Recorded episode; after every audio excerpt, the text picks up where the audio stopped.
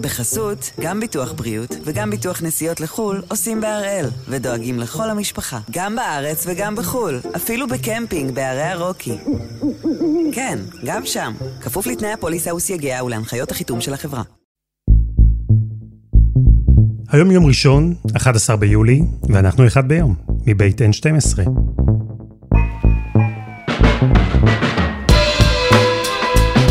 אני אלעד שמחיוף, ואנחנו כאן כדי להבין טוב יותר מה קורה סביבנו, סיפור אחד ביום, כל יום. בדצמבר 2006 נמצאה בתא שירותים בבית ספר בקצרין גופתה של תאיר ראדה, בת ה-13. המדינה הזדעזעה. המשטרה פתחה בחקירה וכמעט שבוע אחרי הרצח נעצר רומן זדורוב, פועל בניין שעבד בבית הספר. מאז, 15 שנה. הפרשה הזו מעסיקה שוטרים, חוקרים, עורכי דין ושופטים. היא מציתה את הדמיון של הציבור הרחב, הפכה למושא לסרטים, סדרות וכתבות. היא הפכה לדיון, אפילו לוויכוח. ועכשיו, בעוד ארבעה ימים, אמורה הפרקליטות לקבל החלטה דרמטית. האם המדינה תשוב ותאשים את רומן זדורוב ברצח במשפט חוזר, או שתשחרר אותו לחופשי? אז הפעם אנחנו עם המשפט החוזר על רצח תאיר ראדה. ובעזרת יוסי מזרחי, מי שסיקר את הפרשה עוד בימיה הראשונים, ננסה להבין האם הוויכוח הציבורי עומד להיות מוכרע אחת ולתמיד.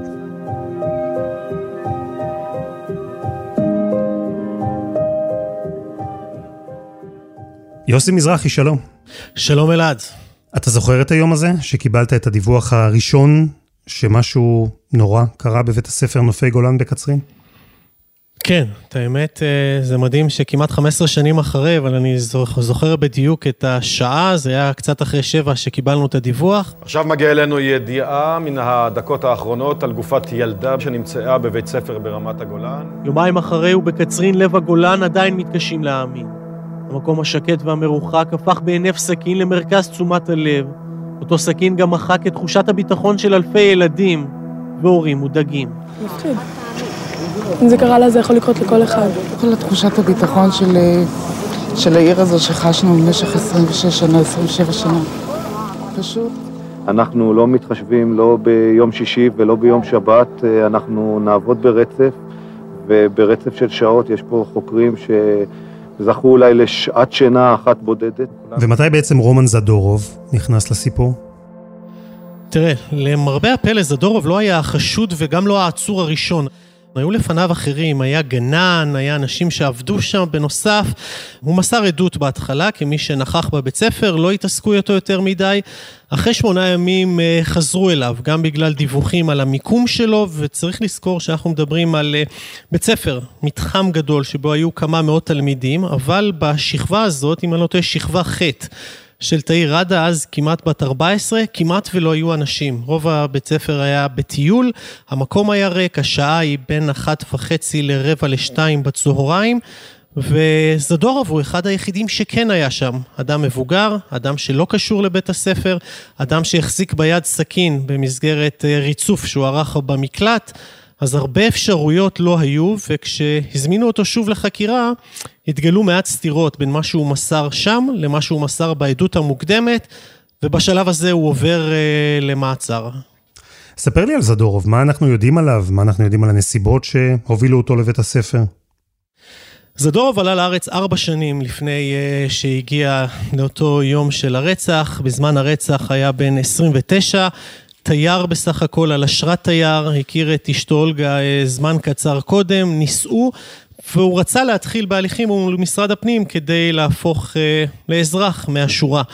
אה, עבד בעבודות מזדמנות, בתקופה ההיא עבד כרצף אצל קבלן בכל מיני מקומות, במקרה הזה במקלט בית הספר נופי גולן בקצרין. אה, שום דבר שהיה מושך את תשומת ליבנו, אתה יודע, לפחות לא בהתחלה, גם כשהוא עבר בבית הספר, אני בספק אם מישהו באמת אה, התייחס אליו אה, יתר על המידה. לא שולט בעברית, לא ממש מכיר לא את הארץ, את השפה, את המנהגים, אבל במקביל לזה, לתייר שאני מתאר לך, בבית המשפט, לפחות בחלק מהערכאות אמרו שמדובר באדם חד, נחוש, ברור לו מה הוא עושה, הוא שם לב לכל מה שקורה סביבו, יודע בדיוק מה להגיד לחוקרים, איך להגיד לחוקרים, ניסה לצאת מהתיק הזה רגע אחרי שהודה והבין שמצבו חמור מאוד. ומה בעצם הייתה הטענה? למה שזדורוב בכלל ירצח את העיר עדה? ברמה המשפטית, מערכת המשפט הישראלית לא מעניין למה. אין דבר כזה מניע, אין חובה, זה לא מעניין למה. מעניין הנס... העובדות עצמן שמופיעות בכתב האישום, את זה צריך להוכיח. צריך לזכור שבשלבים הראשונים יחסית, הוא כבר, אה, זה אחרי כמה ימים במעצר, הוא כבר הודה גם בפני חוקר. לפני כן הוא הודה בפני מדובב בתא המשטרה וידע דברים אה, מוכמנים, הוא ידע בדיוק את צורת השיסוף, איך ולמה. אצל סכין אתה לא יכול ככה לעשות, זה סכין נפל, אה, ככה. וידע כל כך הרבה דברים, ובשלב הזה אנחנו היינו בטוחים שלפחות מהעיתונאים, מהזווית שלנו, שהחשוד המרכזי נמצא ביד של המשטרה. במסגרת החקירות התברר לנו שהוא למעשה כעס עליה. הוא סיפר שהוא, אה, הילדה, תאיר ראדה, נכנסה לאותו מבנה, נפרדה מהחברות שלה בחוץ, נכנסה למבנה, שם היא ראתה אותו. אז הוא סיפר שני סיפורים, באחד מהם הוא טען שתאיר ביקשה ממנו סיגריה, הוא סירב, אמר לה, מה, את בסך הכל ילדה?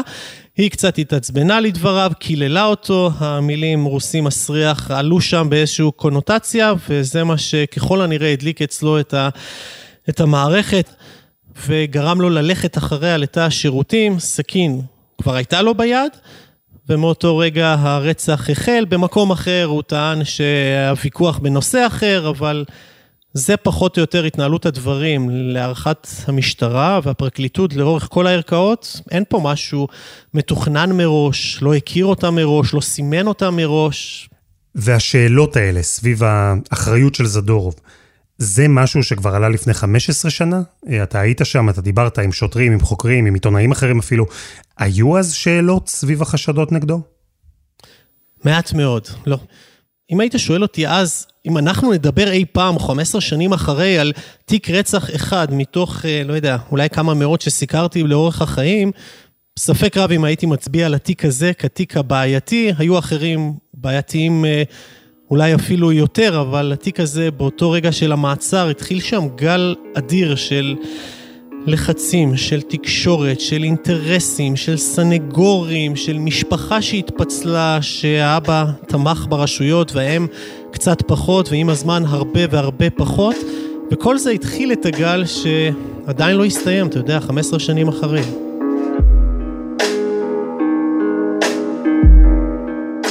אז המשטרה והחוקרים בטוחים שהם תפסו את האדם הנכון, אבל בשיח הציבורי, מחוץ לתחנת המשטרה, משרדי הפרקליטות, מחוץ לבתי המשפט, ברחוב, מתי מתחיל השיח הזה, שיח של ספקות?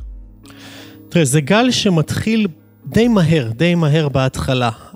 במשטרה זיהו נקודת תורפה אחת מרכזית, שהיא לא משפטית ולא ראייתית, קוראים לה אילנה ראדה, אמה של תאיר. זה דוב לא רצח את תאיר.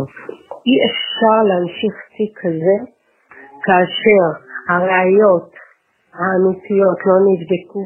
אילנה ראדה ניהלה מערכת תקשורתית משלה, היא החליטה מי צודק ומי לא, ואנחנו כתקשורת וגם הציבור בכלל, נתן לזה חשיבות, בטענה שאפילו אימא של אותה נרצחת לא מאמינה למשטרה ולפרקליטות, אז למה שאנחנו נאמין? ואם נשפוט את זה בצורה רצינית וריאלית, אימא של הנרצחת היא אימא של הקורבן, היא סובלת יותר מכולנו, אני בטוח, וזוכרת אותה בכל שנייה, אבל אין לה למעשה הבנה משפטית, אין לה הבנה פלילית, לא הייתה סנגורית, לא שופטת, לא חוקרת משטרה. בשלב השני, שזה התחיל כבר אה, לפני כתב האישום, אתה רואה גורמים זרים, אינטרסנטים, חובבי פרסום, עולים לקצרין. אתה יודע, אני בספק עם חלק מאותם עורכי דין תל אביבים, חוקרים פרטיים, אה, נטורופטים, היו שם הכל מהכל, ספק מתי הם היו בקצרין בפעם האחרונה, ואז הם מתחברים למשפחה, מנצלים את הספקות של אילנה, ואומרים לה, כל אחד אומר לה את מה שהוא רוצה להרוויח ממנה. חלק מכלי התקשורת נפלו שם, פרסמו, גרמו לרעש תקשורתי. וזה המון נקודות, אלעד. זה אחד מתקשר ומספר שמצאו נקודות דם בצומת כוח כשטרמפיסטים ירדו שם, ולאחר מכן המשטרה חוקרת ומתברר שזה בסך הכל אה, רסק עגבניות שהיה על הכביש. במקום אחר, מישהו באינטרנט כותב, אבי מטבריה יודע בדיוק מה זה. המשטרה הגיעה אליו, זה נער מכפר קאסם שלא קשור לכלום. והיו עוד עשרות דוגמאות. Uh, על היד של תאיר, דרך אגב, הייתה כתובה המילה hurt. ומשם התחילה תיאוריית קונספירציה שאומרת, uh, כת השטן אחראית לרצח של נערה בבית הספר. בהמשך התברר שהזמרת האהובה עליה היא קריסטינה אגילרה, ויש לה שיר שנקרא hurt. אז זה מתחיל לפעמים מדברים נורא קטנים ולא ברורים על ידי כל מיני אנשים אינטרסנטים, משם החל הגל. כלומר, כל אותן אנקדוטות וכל אותם סיפורים, ומישהו מתקשר ואומר, שמעתי ש... ואני יודע ש... את כל הדברים האלה המשטרה בדקה ברצינות, ממש?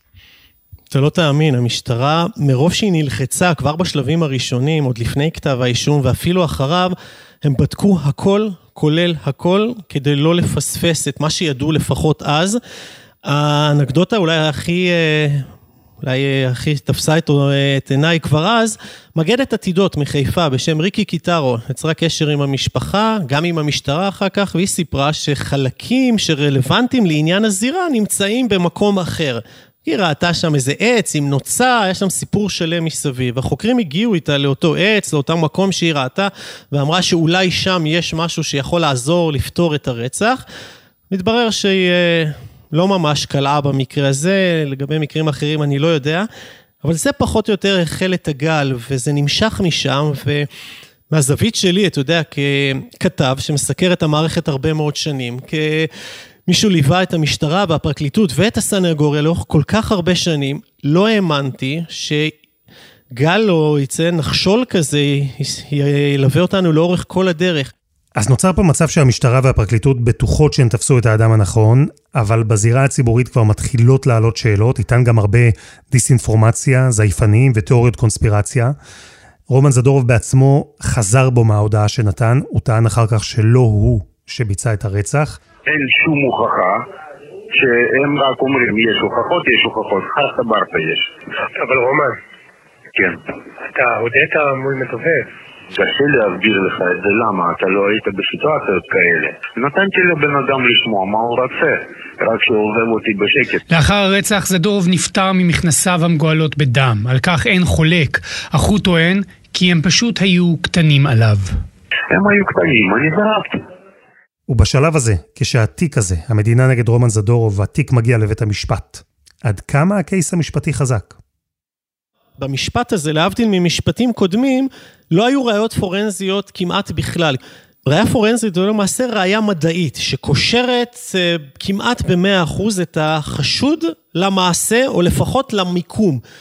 להבדיל במקרים אחרים, הזירה הייתה מאוד קשה, הרבה דם, שערות, תא שירותים, מים, אה, עקבות נעליים, ולמרות זאת לא הצליחה המשטרה לפענח ולהוציא משם ראיה מדעית שקושרת את זדורוב לשם, לא את השערות שלו, לא משהו אחר.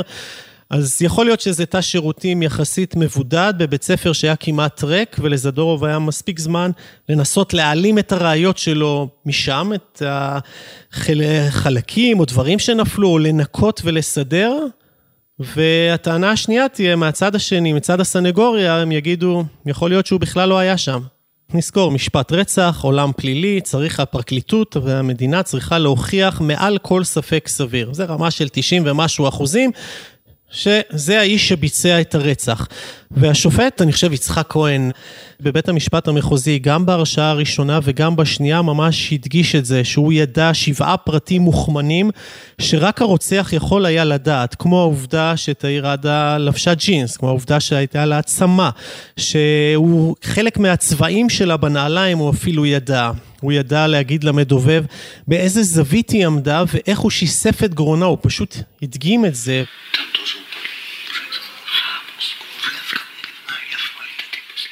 בסוף השיסוף אפילו החזיר מעט את היד, וזה התאים גם לניתוח הגופה, לקטע מסוים שבאמת היה חיתוך שם. אה, הראיות האלו הספיקו באמת לשלוש הרשעות, אבל במשפט פלילי הסנגוריה לא צריכה להוכיח הרבה. ספק סביר. מספיק שיש ספק קל, זה אמור לשכנע את השופטים. אז התחלנו במחוזי נצרת בהרשעה עם שלושה שופטים, התיק עבר לעליון, שם נקבע שאולי יש ראיות חדשות שראוי לבדוק אותן, חזר למחוזי, הורשע ברוב של אה, שלושה מול אפס בפעם השנייה. בית המשפט המחוזי בנצרת דחה את ערעורו של רומן זדורוב והכריע פעם נוספת כי הוא זה שרצח את הילדה תאיר ראדה לפני כשבע שנים בבית ספר בקצרין. עבר לעליון שוב לערעור, בעליון הפעם שניים מול אחד, דנציגר, השופט דנציגר, הוא זיכה מחמת הספק ואמר שהוא היה כחוט השערה מהרשעה. דעת הרוב בבית המשפט העליון קבעה בקול רם וברור כי מדובר במקרה שאינו גבולי כלל וכי מדובר בהרשעה מוצקה. אכן הייתה גם דעת מיעוט, אולם גם שופט המיעוט הדגיש כי כפסע היה בינו לבין הרשעה וכי מדובר במקרה גבולי ביותר. אז מצד אחד יש הודעה ברצח ושחזור של זדורוב, והוא ידע פרטים מוכמנים שרק הרוצח יכול היה לדעת. אבל אין ראיות פיזיות שקושרות אותו לרצח, בבית המשפט נטען אחר כך שהוא החליף מכנסיים והחליף את להב הסכין למשל. אמרנו שבשתי ערכאות הוא הורשע, גם בעליון לא מצאו סיבה להתערב ולשנות את ההרשעה. וגם אחרי כל זה, ממשיך להתנהל דיון, והוא לא מתנהל רק בספרות של אה, טיעונים משפטיים. כי פתאום מדברים גם על חשודה אחרת, שיש מי שטען שהיא בכלל זו שביצעה את הרצח. אז יוסי, איך נולד הסיפור הזה, הסיפור שאנחנו הכרנו בהתחלה כסיפורה של א' ק'? חולפות כמה שנים מאז אה, אותו רצח, ולמשטרת צפת אה, מגיע צעיר, אה, מעורער בנפשו, גר ביישוב בסביבה בשכירות, ומספר סיפור כזה. חברה שלי הגיעה הביתה לפני כמה שנים, וסיפרה לי שהיא בעצמה רצחה את העיר עדה. איך היא סיפרה לי? היא הראתה לי סכין עם דם, היא התחפשה למשהו אחר, היא לקחה חולצה שלי, סיפור שלם. המשטרה מיד עוצרת את הגברת, אותה א' ק' שהתבררה בהמשך כאולה קרבצ'נקו. בודקת אותה, חוקרת אותה, עוצרת אותה, מנסה לבדוק מיקומים, היכן היה, מתי, האם באמת סיפרה את הסיפור הזה. והמשטרה די מהר מבינה שהזוג נפרד, אותה אולה שגם היא אה, לוקה בנפשה. אה, לא ממש רצתה את הבן זוג הזה, את א' ח', רגע אחרי שהיא הודיעה לו שהיא נפרדת ממנו, הוא הלך להגיש את התלונה כסוג של נקמה. באותה הזדמנות היא התלוננה נגדו על אונס, משם מתחיל הסיפור שנבדק לעומק על ידי המשטרה, עובר לפרקליטות כדי לבדוק האם אנחנו צריכים לשנות משהו בעניין משפט זדורוב שעדיין מתנהל. הוחלט לבסוף, לאחר בדיקת כל הגורמים, לשים את הסיפור בצד ולסגור את, את הכל. עד שמגיעה אותה סדרה, אה, צל של אמת היא נקראת, אה, ומקדישה פרק שלם לעניין הזה, לא רק פרק, את הפרק האחרון, כאילו רוצה לומר לאנשים, ראיתם עד עכשיו את מה שהמדינה הרשיעה, את בתי המשפט, את המערכת שלנו, בואו תראו את החשודה שאנחנו כביכול מצאנו, ושם יש לי הרבה מאוד טענות לדרך שהם עשו את זה, העלימו חלק מהפרטים, הדגישו פרטים אחרים, זה בעייתי לעשות את זה כשאתה עושה אה, כאילו עיתונות. זה לא ממש עיתונות, זה הם בנו לעצמם סרט משלהם, ובחורה צעירה, אחר כך סטודנטית בתל חי, מצאה את עצמה פתאום אה, חשודה ברמה הציבורית לפחות, ברצח שהיא מעולם לא ביצעה. וגם במקרה הזה של אה, א' ק', והיו גם מקרים אחרים בפרשה הזו, אנחנו כל הזמן בעצם הולכים על איזה קו שבין הדיון המשפטי לדיון הציבורי. אגב, יכול להיות שלשני הדיונים האלה אין קשר עם האמת ועם מה שקרה באותו תא שירותים לפני 15 שנה. אני רוצה לתת לך דוגמה אחת. יום אחד מגיע סנגור ואומר, אה, לתקשורת בעיקר, קודם כל, וגם למכון לרפואה משפטית, מצאתי שערה ששלחנו לבדיקה, ובשערה יש DNA של הבן זוג של אותה א' ק' של אולה. והנה מצאתי הוכחה לכל הסיפור שלי, הוכחה ברמת סבירות של 99 אחוזים. DNA. כל התקשורת חוגגת, האנשים בבית אה, בטוחים שהנה זדורוב הולך להשתחרר, ו...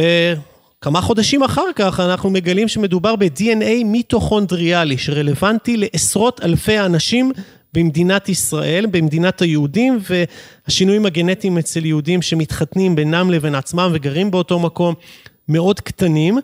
אז כך שאין פה למעשה סיפור, גם בית המשפט לא ייחס לזה, לאותה סערה, חשיבות משמעותית לעניין המשפט החוזר, אבל מבחן הציבור אומר אחרת, הציבור זוכר את אותה סערה כי אמרו לו שיש שם איזה סיפור מאוד גדול שמזכה את זדורוב וצריך לשים לב פה לעניין התקשורתי שעזר אולי חלק במודע וחלק פחות במודע לניפוח סיפור שהוא חשוב ממילא, אבל צריך להביא אותו כמו שהוא, לא לנפח יתר על המידה כי בסוף יש מערכת ויש את מה שאנשים חושבים על המערכת והם צריכים להופיע בפניה והם צריכים להיות בצד זה או בצד אחר, וזו המערכת היחידה שיש לנו.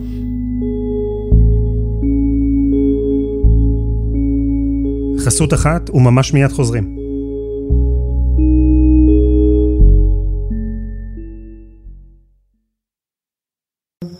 בחסות, גם ביטוח בריאות וגם ביטוח נסיעות לחו"ל עושים בהראל, ודואגים לכל המשפחה, גם בארץ וגם בחו"ל, אפילו בקמפינג בערי הרוקי. כן, גם שם, כפוף לתנאי הפוליסה וסייגיה ולהנחיות החיתום של החברה. יוסי, אז אמרנו שפרשת הרצח של תאיר ראדה היא פרשה שהיא גם משפטית, אבל היא גם ציבורית. ובמשך 15 שנה התיק הזה נבחן ופורק והורכב מחדש ונשפט, ובבתי המשפט בארץ הוחלט פעם אחר פעם שזדורוב הוא האשם, גם אל מול הספקות שעלו במקביל בדיון הציבורי.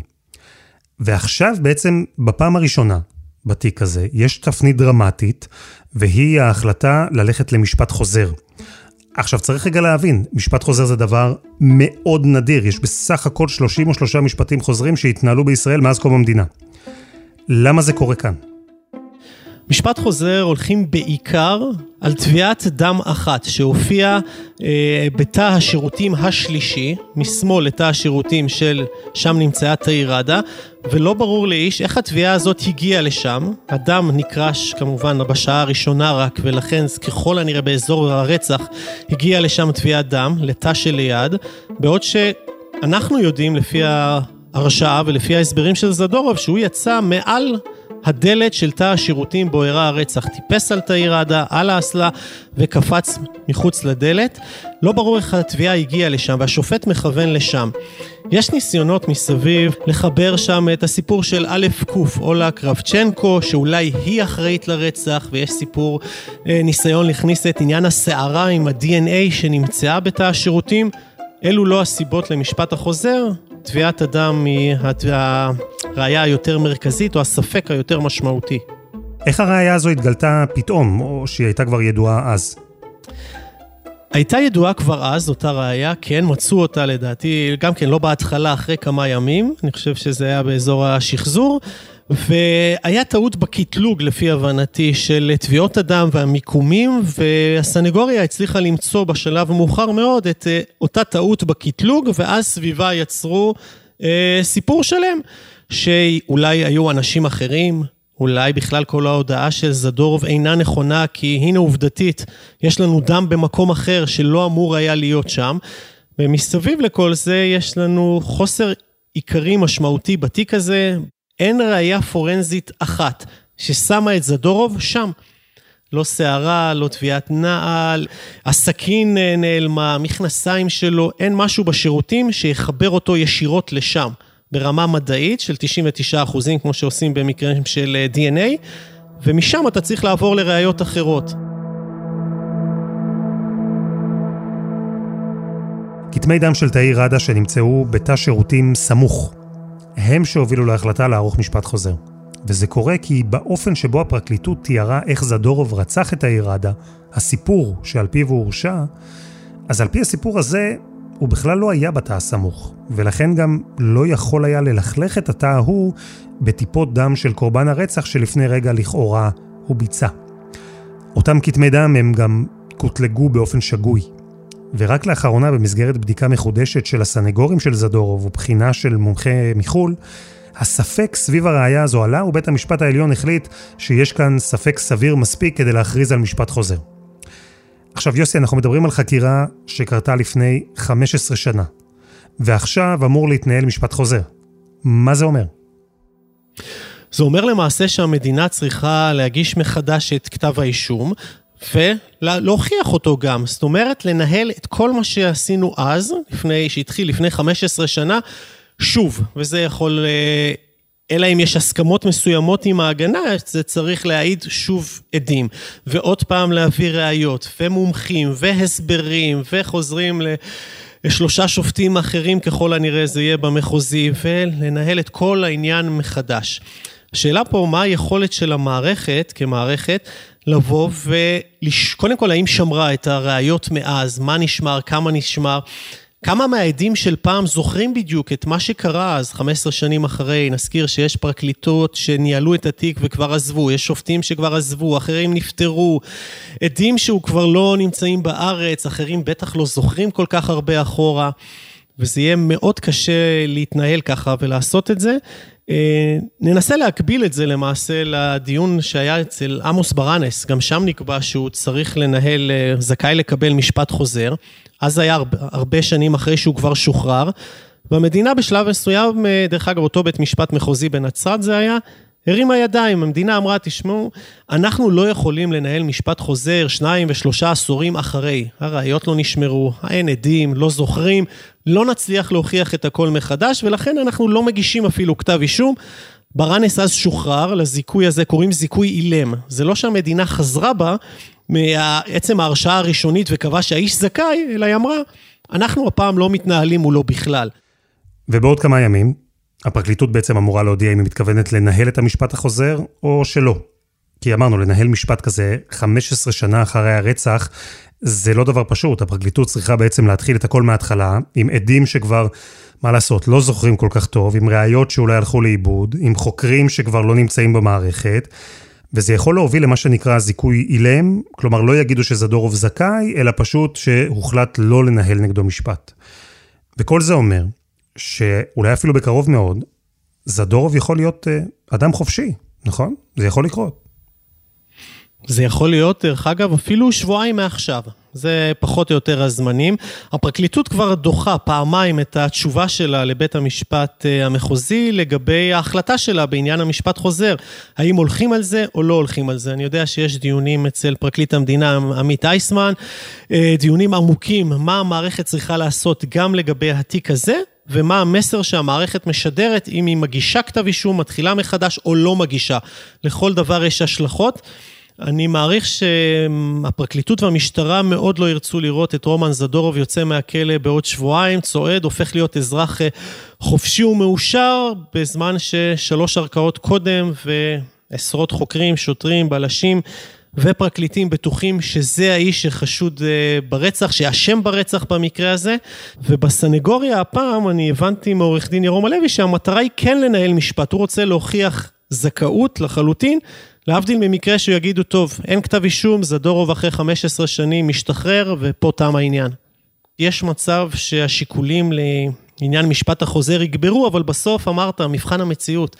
האם המדינה באמת יכולה, ברמה הטכנית אפילו, לנהל את הכל מההתחלה, 15 שנים אחרי? אני רוצה לשאול אותך ברמה האישית, אה, כמי שמלווה את הסיפור הזה ממש מהיום הראשון. לך, יוסי מזרחי, יש ספק? לא, אין לי ספק אה, מהרגע הראשון. השופט, אני חושב, יצחק כהן, אה, הוא היה החריף ביותר בעניין הזה, ביקורת אדירה על התנהלותו של זדורו, על אשכריו, על חוסר אמינותו, אה, על המצאות שלו, על דברים שהוא חז... אמר וחזר בו. הפרקליטה, שילה ענבר, בריאיון בעבר, אמרה לנו שהיא לא מכירה רוצח שהודה ברצח ורגע אחרי זה לא חזר בו. ברגע שהוא מבין שמאסר העולם בדרך אליו. יכול להיות שכל תיק במערכת המשפטית שלנו בישראל, שתיקח אותו ותרד לרזולוציות כל כך נמוכות, לאורך 15 שנים ברציפות, בשלוש ערכאות ועכשיו אולי ארבע, יכול להיות שגם שם אתה תמצא הרבה מאוד ספקות. ספקות קטנים, לא משהו גרנדיוזי, לא רוצח אחר, אבל דברים מאוד קטנים שאולי יכולים לשנות את המצב. ואם אנחנו נעבוד אה, בכיוון הזה, אז יכול להיות שלא תהיה ודאות אף פעם. הכל יהיה באוויר, והכל לא יהיה ברור, והכל יימשך שנים, ויש מערכת שצריכה לעבוד, וצריכה לעבוד בסבירות מסוימת, וכנראה שאף פעם לא תהיה סבירות של 100%, אבל זה, זו השאיפה, זה הכיוון. לדעתי, אם תצא החוצה, כל אדם שני שתפגוש, הוא יגיד לך שרומן זדורוב זכאי. האם הוא קרא את הפרוטוקולים, האם הוא מבין את חומרת הראיות, האם הוא היה, האם הוא בתוך התמונה, לא ממש, אבל הוא מכיר רק את הספקות וההאשמות ואת הסיפורים היותר צהובים אה, מסביב. הרבה יותר מעניין אותנו לדעת שיש איזה רוצח שמסתתר, שברח, יש איזה מישהו מסכן שיושב בכלא והוא לא אשם, זה סיפור מעניין. סיפור שמוכר, להבדיל שאני אגיד לך, תשמע, היה רצח, תפסו את הרוצח, הורשע, הוא יושב בכלא כבר 15 שנים.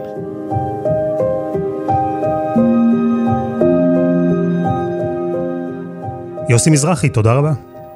תודה רבה, אלעד.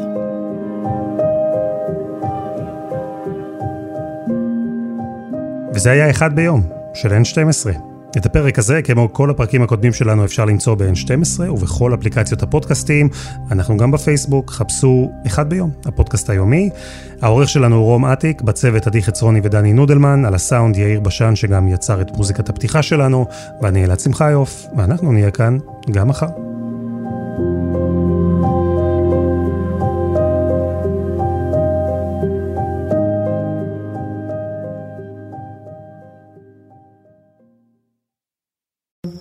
בחסות, גם ביטוח בריאות וגם ביטוח נסיעות לחו"ל עושים בהראל, ודואגים לכל המשפחה, גם בארץ וגם בחו"ל, אפילו בקמפינג בערי הרוקי. כן, גם שם, כפוף לתנאי הפוליסה וסייגיה ולהנחיות החיתום של החברה.